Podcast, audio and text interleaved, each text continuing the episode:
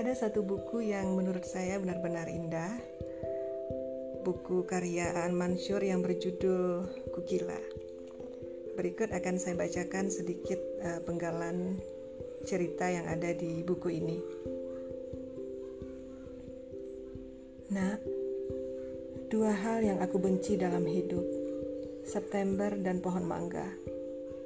September tidak pernah mau beranjak dari rumah. Betah. Ia sibuk meletakkan neraka di seluruh penjuru.